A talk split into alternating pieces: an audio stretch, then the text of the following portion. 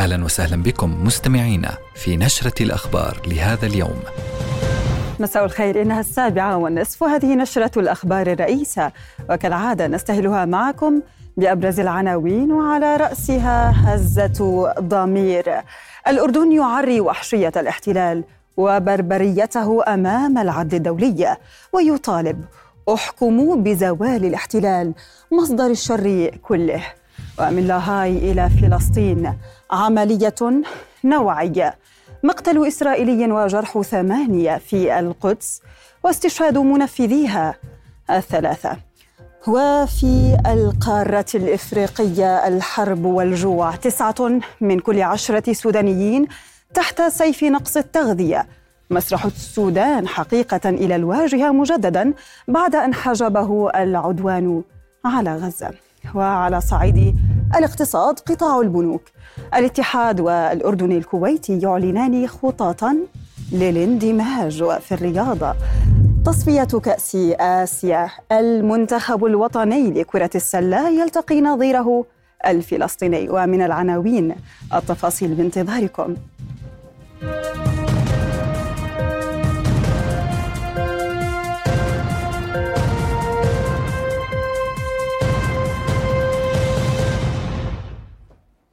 أهلا بكم.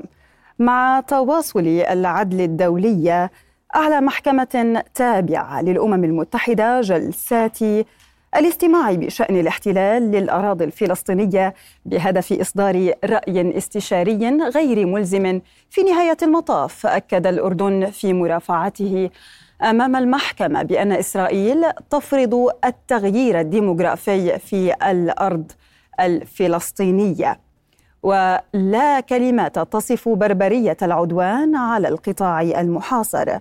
وطالب وزير الخارجية أيمن الصفدي القضاة الخمسة عشر بالحكم بأن الاحتلال مصدر للشر ويجب أن يزول.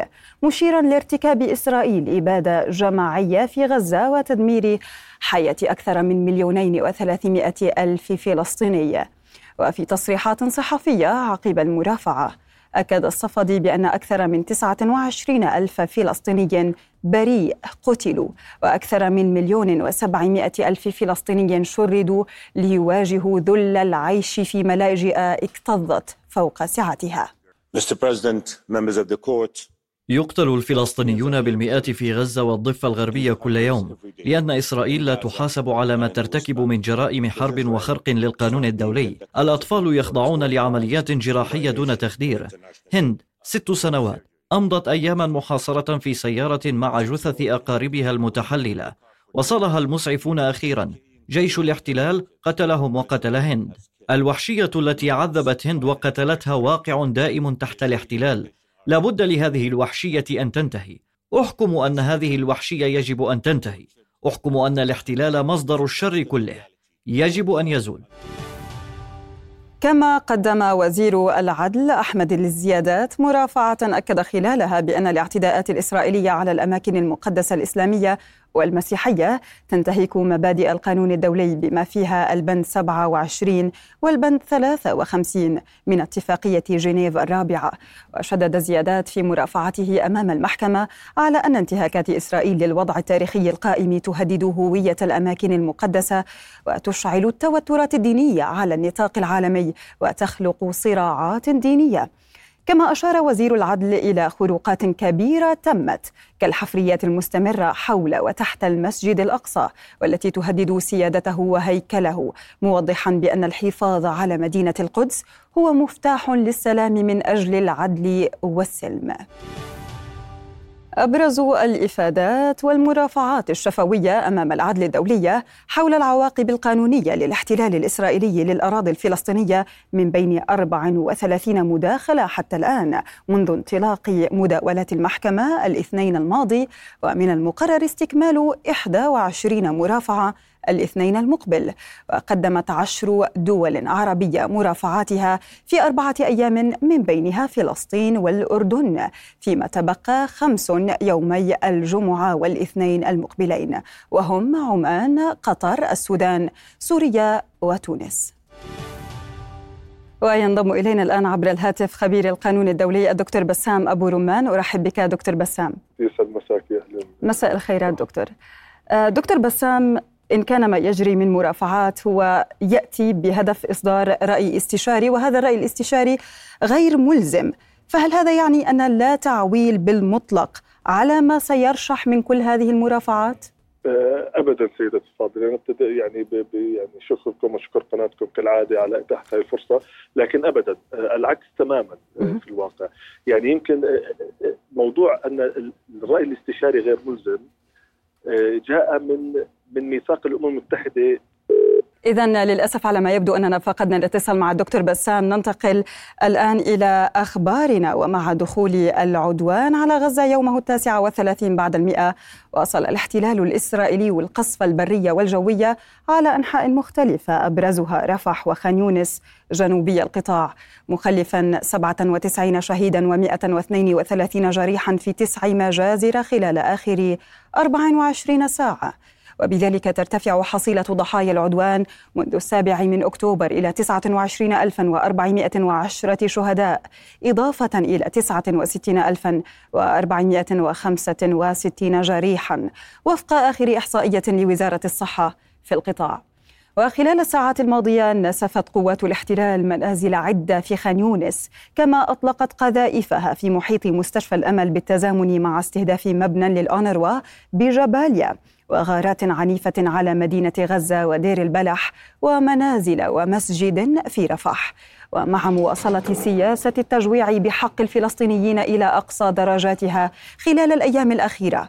نقلت صحيفة نيويورك تايمز الأمريكية عن دراسة لعلماء مختصين في الأوبئة أن تصعيد الحرب على غزة قد يؤدي لمقتل 85 ألفا خلال ستة أشهر بسبب الإصابة والأمراض. وفي السابق حذرت تسعة عشرة وكالة أممية ودولية من عواقب كارثية أسوأ في ظل تدهور النظام الصحي وانعدام مقومات الحياة. نعود الآن إلى ضيفنا الدكتور بسام أبو رمان. أرحب بك مجددا دكتور بسام. كنا نتحدث عن أنه كيف لنا أن نعول على ما يجري الآن من مرافعات في ظل عدم إلزامية هذا الرأي الاستشاري. تفضل. أشكر سيدتي بعجالة يعني موضوع عدم الإلزامية راح أحط عليه أكثر من خط.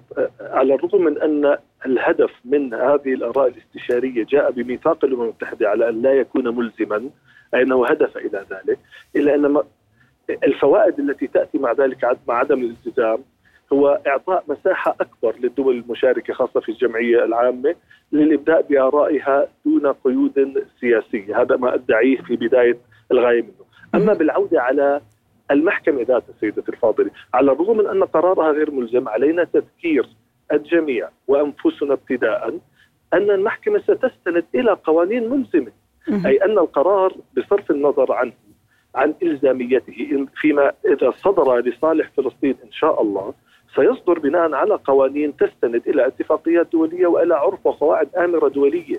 فبالتالي يجوز لنا عندها العمل على إثبات عدم براءة إسرائيل الكيان الصهيوني المحتل، عدم إلزامية الحكم لا تعني البراءة للكيان الصهيوني المحتل، لا تعني انحلاله من التزاماته وإنما تعني فقط أن العالم اختار لتلك الآراء الاستشارية أن لا تكون ملزمة وإنما أن تقوم تساهم في توحيد الرأي العام العالمي لاتخاذ تدابير أخرى قد تؤدي إلى إلزام الكيان الصهيوني المحتل، فبالتالي إذا لاحظنا اليوم بكل المرافعات حتى غير المرافعات الغير مقدمة للأردن قامت بالتركيز على فداحه الجرائم ووحشية الجرائم التي يرتكبها الكيان الصهيوني المحتل حاليا بينما تطرقت إلى كافة أشكال مخالفة القانون الدولي منذ ما يزيد على الخمسة ونص عقود طيب يعني دكتور يعني بسام لو سمحت لي وبذكر المخالفات أكيد. والجرائم التي يقوم بها الاحتلال على مدار وجوده وجوده المزعوم. بالتأكيد. أي الجزئيات أقوى من التي تم طرحها ضمن المرافعات مرافعات الأردن وغيرها؟ هل هي أي الجزئيات التي لها أن تضع إسرائيل فعليا؟ هذه القوة القائمة بالاحتلال على شفير المحاكمة الحتمية. هل هي الاعتداء على المدنيين المجازر التوسع الاستيطاني أم القرارات الأحادية؟ سيدتي الفاضلة الموضوع الرأي الاستشاري كان محددا في طول مدة الاحتلال. ومن ثم التوسع وضم الأراضي والتوسع بالاستيطان والتغييرات الديموغرافية وآخرها ما يتعرض له شعبنا من تمييز وقوانين مجحفه في الداخل. التركيز أن كلا من تلك النقاط ستؤتي أكلها بدلائل لا تقبل النقيض يعني سأتعجب بحق إن قامت المحكمة بإنكار أي من تلك الجرائم. الاحتلال على الرغم من أنه تصرف بغيض إلا أنه مقنن في القانون الدولي. وهنالك قواعد تحدد الالتزامات الواجب اتباعها على المحتل والحقوق الواجبة للشعب المحتل. فبالتالي إسرائيل تخالف الاحتلال أو ابتداء بطول مدته. فنسأل المحكمة لذلك للتأكيد على أن تلك المدة تخالف القانون الدولي وأن ليس لإسرائيل التذرع بأي حجج مزعومة من دفاع عن النفس أو من اعتداءات خارجية أو داخلية أو أعمال مقاومة لتبرير طول مدة تلك الاحتلال، وكذلك الحال فيما يتعلق بتوسيع الاستيطان. والمستوطنات ذكر معالي وزير الخارجية إنه توسعت من 280 ألف في 93 إلى 700 ألف يعني يعني بنسبة 150% تضاعفت. أيضا للمحكمة ألحق بالتأكيد في رأيها الاستشاري على أنه ليس للكيان الصهيوني المحتل آه، آه، آه، مصادرة الممتلكات أو ضم الأراضي دون حق أو العمل على تهجير سكان البلد المحتل والذين يعانون من التمييز العنصري والتفرقة. أي أن كافة 52 دولة التي تقدمت للعد الدولية والمنظمات معها ستعمل على إقناع المحكمة بأن ما يقوم به الكيان الصهيوني المحتل مخالف لكافة قواعد القانون الدولي. فلك يا محكمة إما أن تؤكدي ذلك وإن كان برأي غير ملزم أو أن تنورينا في حال ان ثبت أن لنا ما, ما, ما نجهله يعني. خاصة في ضوء عدم حضور الكيان الصهيوني المحتل. نعم نعم. دكتور بسام يعني طبعا نحن نأمل أن يتبلور الجهد بإحقاق الحق. شكرا جزيلا لك الخبير القانوني الدكتور بسام أبو رمان. كنت معنا عبر الهاتف. لك منا جزيل الشكر. ومع احتدام المعارك بمحاور عدة في القطاع أعلنت كتائب القسام عن استهداف قوة للاحتلال. تمركزت في منزل غربي خان يونس بقذيفة مضادة للتحصينات ثم الاشتباك معها بالأسلحة الرشاشة وإيقاع أفرادها بين قتيل وجريح. ومن جانبها ذكرت كتائب المجاهدين في بيان أن عناصرها استهدفوا تجمعا لجنود الاحتلال شرق بيت حانون بقذائف الهاون. ولاحقا ذكرت سرايا القدس أنها قصفت تجمعا لجنود الاحتلال في حي الزيتون جنوب شرقي مدينة غزة بوابل من قذائف الهاون. وشهد حي الزيتون خلال الأيام الأخيرة معارك ضارية كبدت الاحتلال خسائر بشرية ومادية. استشهد ثلاثة شبان فلسطينيين بعد تنفيذهم عملية على حاجز زعيم شرق القدس أدت إلى مقتل جندي وإصابة عدد آخر من الجنود والمستوطنين. وتعتبر هذه العملية هي الثانية التي تشهدها المنطقة خلال أسبوع. التفاصيل نتابعها في التقرير التالي. عملية جديدة وقعت هذه المرة على حاجز رئيسي شرق مدينة القدس. ثلاثة شبان قدموا من جنوب الضفة الغربية وبالتحديد من قرى بيت لحم.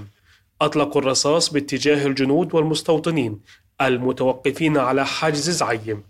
قتل جندي وأصيب عدد آخر بجروح متفاوت الخطورة حسب المصادر الإسرائيلية. وزير الأمن القومي في حكومة الاحتلال إيتمار بن كفير الذي وصل لموقع العملية دعا لوضع مزيد من الحواجز وإغلاق الطرق على الفلسطينيين ومنح الإسرائيليين الأسلحة لحماية أنفسهم. الوزير الآخر سموتريتش أشار إلى أن الرد على العملية يجب أن يكون بالموافقة على بناء الوحدات الاستيطانية في مختلف المناطق. الاحتلال بعد وقوع العملية اقتحم منازل منفذي العملية وقام بعمليات تفتيش واعتقال. العملية هي الثانية التي تشهدها المنطقة خلال أسبوع بعد التي نفذها المقدسي فادي جمجوم الجمعة الماضية وأسفرت عن مقتل مستوطنين اثنين وإصابة آخرين.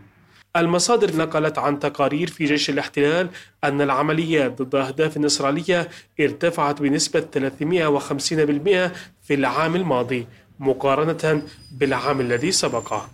وافادت المصادر حصول أكثر من 600 عملية مختلفة في العام الماضي. غالبيتها إطلاق نار مقابل 170 في العام 2022 العمليات تصاعدت في الضفة الغربية والقدس منذ بدء العدوان على غزة وهناك قلق آخر بتزايدها مع اقتراب شهر رمضان الكريم وقرارات الاحتلال خاصة فيما يتعلق بالدخول للمسجد الأقصى. اعتقلت قوات الاحتلال الإسرائيلي منذ مساء أمس وحتى صباح اليوم 18 فلسطينيا من مدن الضفة بينهم سيدة وطفلان وأسرى سابقون. وبذلك ترتفع حصيلة الاعتقالات منذ السابع من تشرين الأول الماضي إلى 7170 وبحسب نادي الأسير الفلسطيني فإن هذه الحصيلة تشمل من جرى اعتقالهم من المنازل وعبر الحواجز العسكرية ومن اضطروا لتسليم أنفسهم تحت الضغط ومن احتجزوا كرهائن. وفي ظل التضييقات المتواصلة بحق الفلسطينيين كانت هيئة البث العبرية قد كشفت قبل أيام عن توجه حكومة الاحتلال لتقييد دخول المصلين من الضفة الغربية والداخل المحتل إلى المسجد الأقصى خلال الشهر المبارك. يلتهب الجنوب اللبناني بالتصعيد المستمر جراء مواصلة الاحتلال الإسرائيلي استهدافه المناطق الحدودية. وتعرضت بلدات الخيام وكفر كلا ومارون الراس لقصف متواصل وشن شن الاحتلال غارة من مسيرة على كفر الرمان في قضاء النبطية. فيما استهدفت مدفعية الاحتلال أطراف بلدات رامية عيت الشعب راشيا الفخار كفر حمام ووادي حسن في مجد الزون بالتزامن مع غارات وهمية نفذها الطيران الحربي فوق المنطقة الحدودية. أعلنت هيئة الأركان الفرنسية أن البحرية الفرنسية دمرت ليلا مسيرتين في البحر الأحمر انطلقتا من اليمن فيما هددت جماعة الحوثي بمواصلة هجماتها.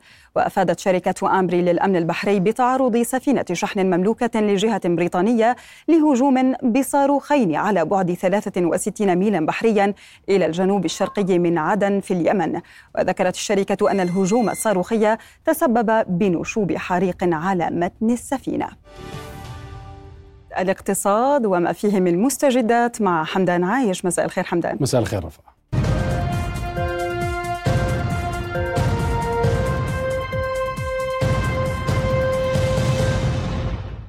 أهلا بكم أعلن بنكا الاتحاد والأردن الكويتي اطلقهما دراسة تمهيدا للاندماج وذلك في إفصاحين منفصلين على موقع بورصة عمان. إفصاح البنك الأردني الكويتي كشف أن مجلس إدارته قرر الموافقة على إجراء دراسات فنية ومالية وقانونية لتقييم فكرة الاندماج مع بنك الاتحاد تمهيدا لاتخاذ القرار المناسب وأوضح البنك الذي تأسس عام 1976 أن فكرة الاندماج لا تزال في مرحلة الدراسات المبدئية ووعد بالإفصاح عن أي مستجدات حول هذا الأمر حال حدوثها مستقبلا. بالتوازي أعلن بنك الاتحاد الذي تأسس عام 1978 أن مجلس إدارته قرر الموافقة المبدئية على الدخول في مباحثات مع الأردن الكويتي لتقييم فكرة الاندماج بين البنكين واتخاذ الإجراءات بشأن الدراسات الفنية والمالية والقانونية في الوقت المناسب. ويعمل في الأردن 20 مصرفا تجاريا تشغل في الإجمالي قرابة 23 ألف موظف بحسب جمعية البنوك في الأردن.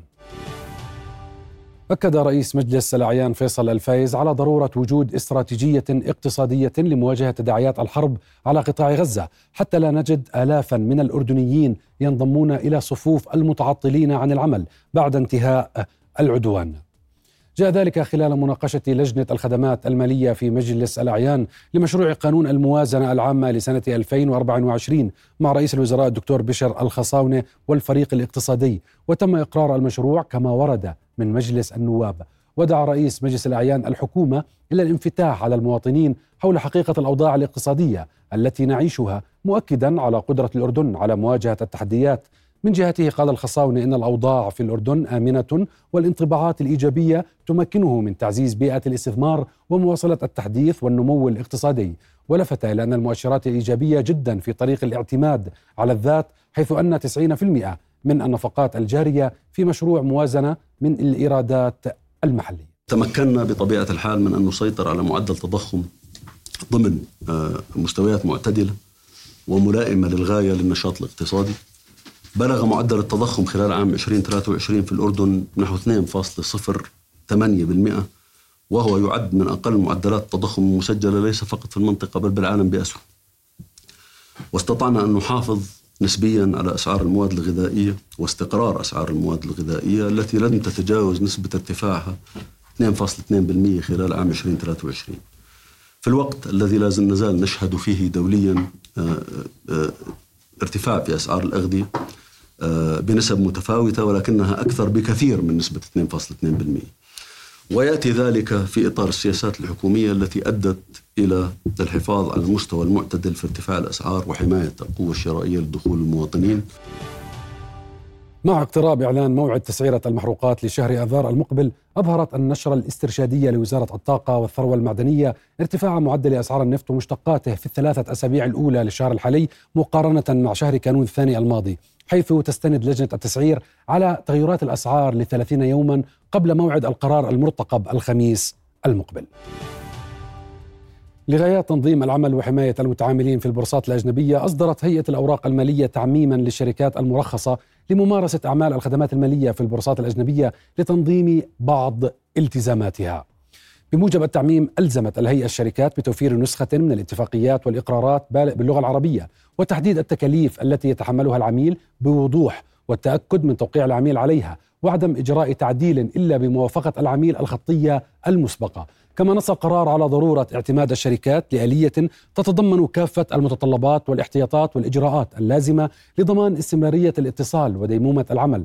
وحدد القرار التزامات الشركات في حال حدوث خطأ في التسعير خلال تداولات الأسواق العالميية فضلا عن وجوب تحديد التداولات غير السليمة التي تؤدي إلى إلغاء تداولات العميل.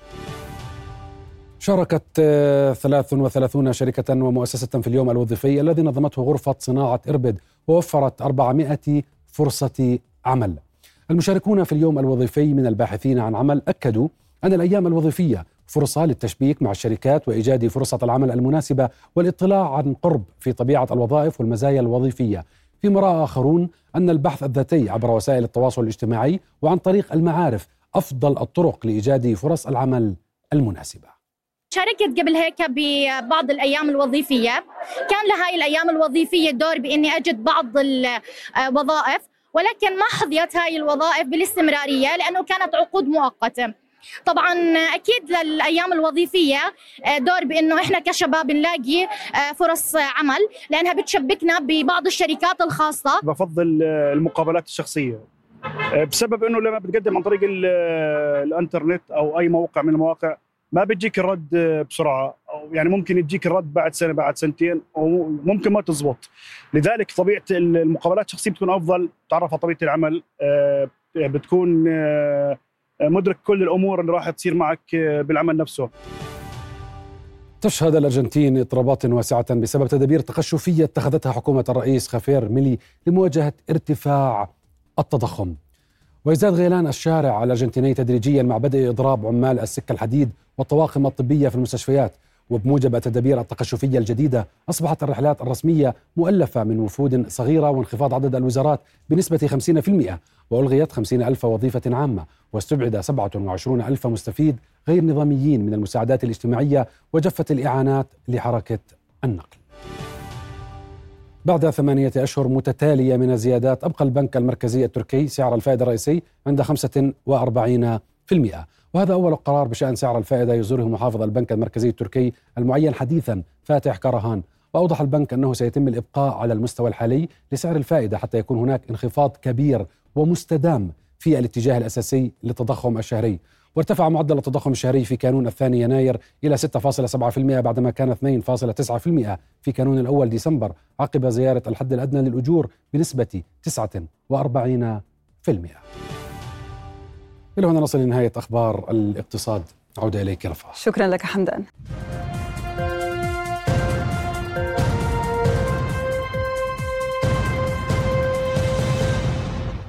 أهلا بكم من جديد. وفي المحليات غادر جلالة الملك عبد الله الثاني اليوم أرض الوطن في زيارة خاصة إلى الرياض.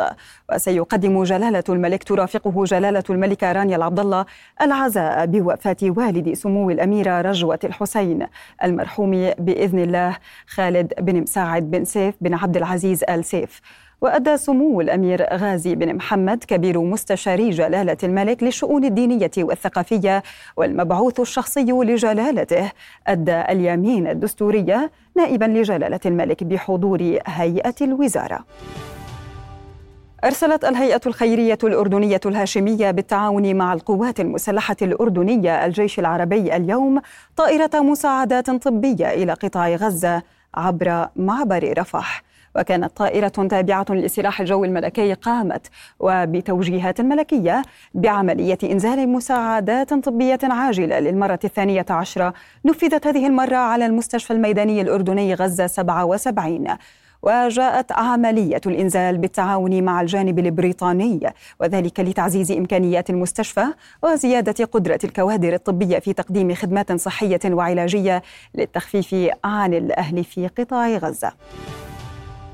في ظل معاناة الشعب السوري من أزمة انقطاع الكهرباء المتفاقمة نتيجة الحرب المستمرة منذ عام 2011 وتدهور الأوضاع الاقتصادية والمعيشية وانهيار كبير في قيمة العملة. يلجأ الكثيرون من السوريين إلى المقاهي التي باتت تشكل مساحات للعمل والدراسة لقضاء احتياجاتهم. يجد سوريون كثر في المقاهي مساحة لإنجاز أعمالهم. خصوصا الطلاب والعاملين بدوام حر على وقع تقنين طويل في ساعات التغذية بالتيار الكهربائي يصل إلى عشرين ساعة. فضل الدراسة بالبيت أحسن لي لإلي. بس هلأ هالفترة عم تقطع الكهرباء فترات طويلة ست وسبع ساعات. فما عم بقدر إني لا أشحن تاب ولا الضوء عم بيضاين وقت طويل.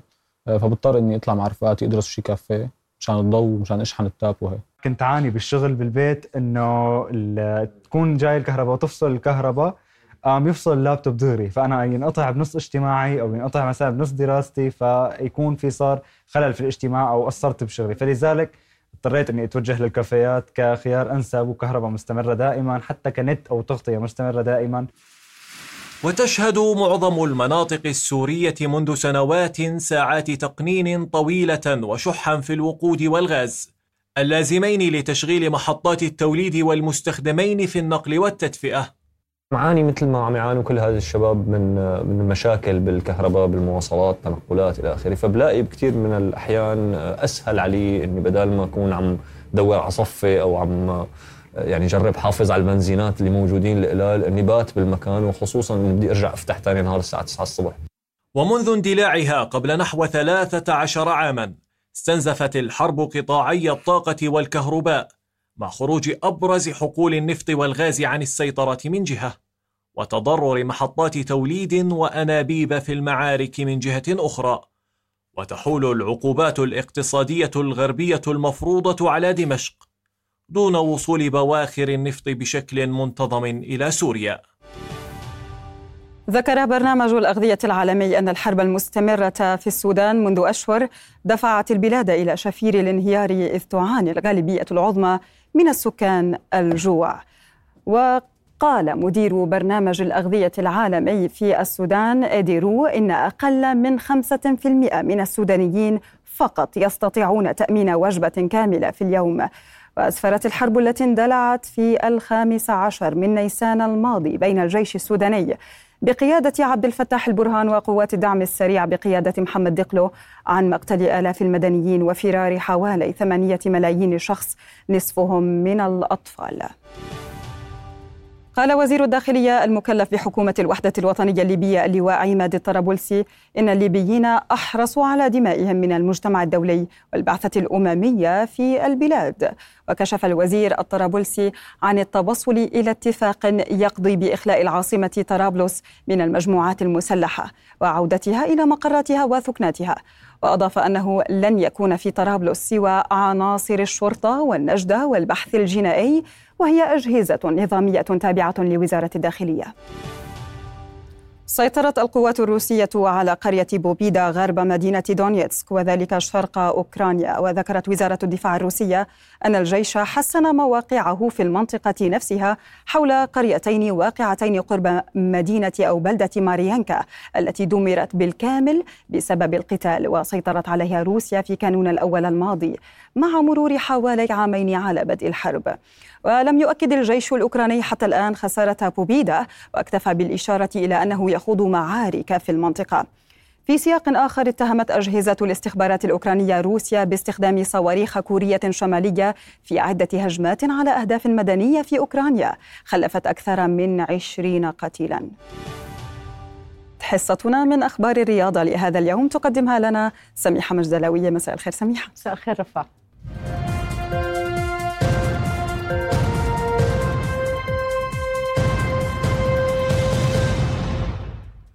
أهلا بكم. يلتقي المنتخب الوطني للسيدات يوم غد بنظيره اللبناني بمباراته الأخيرة في الدور الأول من بطولة غرب آسيا الثامنة للسيدات والمقامة في مدينة جدة السعودية. ويتنافس المنتخب الوطني مع منتخب لبنان على صدارة المجموعة علما أن المنتخبين ضمنا التاهل للدور نصف النهائي بعد تحقيق كل منتخب انتصارين حيث فاز المنتخب الوطني على المنتخب السعودي وعلى منتخب غوام بانتظار مباراة لبنان لتحديد هوية بطل المجموعة. هذا ويفتقد المنتخب الوطني في المباريات المقبلة اللاعبة مي سويلم بسبب إصابتها بقطع في الرباط الصليبي خلال المباراة الأولى أمام المنتخب السعودي. أعلن نادي الإمارات الإماراتي عن تعاقده مع لاعب المنتخب الوطني ونادي الفيصلي لكرة القدم نزار الرشدان ليمثل الفريق حتى نهاية الموسم الحالي. جاء هذا الانتقال في إطار صفقة إعارة من نادي الفيصلي. كما يأتي هذا التعاقد في أعقاب تألق الرشدان مع المنتخب الوطني في بطولة كأس آسيا الأخيرة التي استضافتها قطر وانتهت بتحقيق المنتخب للمركز الثاني هذا ويعزز انضمام الرشدان صفوف الإمارات بخبراته ومهاراته الفردية إذ يامل الفريق في الاستفادة من إسهاماته في تحقيق نتائج إيجابية خلال مرحلة النهائيات المتبقية من الموسم الكروي الحالي. أنجزت إدارة نادي الوحدات اليوم صفقة التعاقد مع حارس المنتخب الوطني الأول ونادي شباب الأردن السابق أحمد الجعيدي لموسم ونصف قابل للتجديد. وتم توقيع العقد بحضور أمين السر عوض الأسمر ومدير نشاط الكرة زياد شلباية في مقر النادي في المجمع الرياضي بمنطقة غمدان. وسينخرط الجعيدي في تدريبات الفريق مباشرة وذلك تحضيرا للقاء فريق الأهلي يوم الاثنين المقبل في افتتاح مشوار مباريات الإياب لبطولة دوري المحترفين. يلتقي المنتخب الوطني الأول لكرة السلة نظيره المنتخب الفلسطيني ضمن منافسات الجولة الأولى من النافذة الأولى عن مباريات المجموعة الرابعة في التصفيات المؤهلة لنهائيات كأس آسيا السعودية 2025 ويسعى منتخب الصقور من خلال المواجهة لمصالحة الجماهير الأردنية الغاضبة من النتائج الأخيرة في البطولة الودية التي أقيمت في العاصمة القطرية الدوحة ولم تشهد أي فوز أردني. والتحق المجنس الأمريكي جيفرسون بتدريبات المنتخب الوطني فيما لم تتأكد بعد إمكانية مشاركة لاعب الارتكاز أحمد دويري المحترف في الدوري التركي. استهل المنتخب الوطني للتايكوندو تدريباته في مدينة جدة السعودية في إطار المعسكر التدريبي الذي يستمر حتى الأول من الشهر المقبل تحضيرا للمنافسات الرسمية المقبلة. ويضم وفد المنتخب المدير الفني للمنتخبات الوطنية فارس العساف إلى جانب اللاعبين زيد الحلواني ورام أبو الرب وزيد مصطفى ويتخلل المعسكر التدريبي لقاءات ودية مع عدد من المنتخبات العربية والأجنبية كما يهدف المعسكر بشكل أساسي إلى تأهيل وتجهيز اللاعبه راما أبو الرب استعدادا لخوض التصفيات الأولمبية التي تقام في الصين الشهر المقبل. أصدرت المحكمة العليا في كتالونيا اليوم الخميس حكما يدين اللاعب البرازيلي السابق داني ألفيش بتهمة الاعتداء الجنسي على امرأة في أحد الملاهي الليلية في برشلونة خلال عام 2022 وفي هذا السياق قررت المحكمة سجن ألفيش لمدة أربع سنوات ونصف بالإضافة إلى فرض غرامة مالية تقدر ب 150 ألف يورو كتعويض للضحية التي تعرضت للاعتداء الجنسي في الملهى الليلي في مدينة برشلونة الإسبانية. وكان ألفيش الذي قضى معظم مسيرته الرياضية مع نادي برشلونة الإسباني قد احتجز في السجن منذ كانون الثاني من العام الماضي بعد تغيير أقواله عدة مرات خلال التحقيقات. إلى هنا نكون قد وصلنا إلى نهاية أخبار الرياضة. عودة إليك رفاق. كل الشكر لك سميحة وبهذا نكون قد وصلنا لختام هذه النشرة. في أمان الله.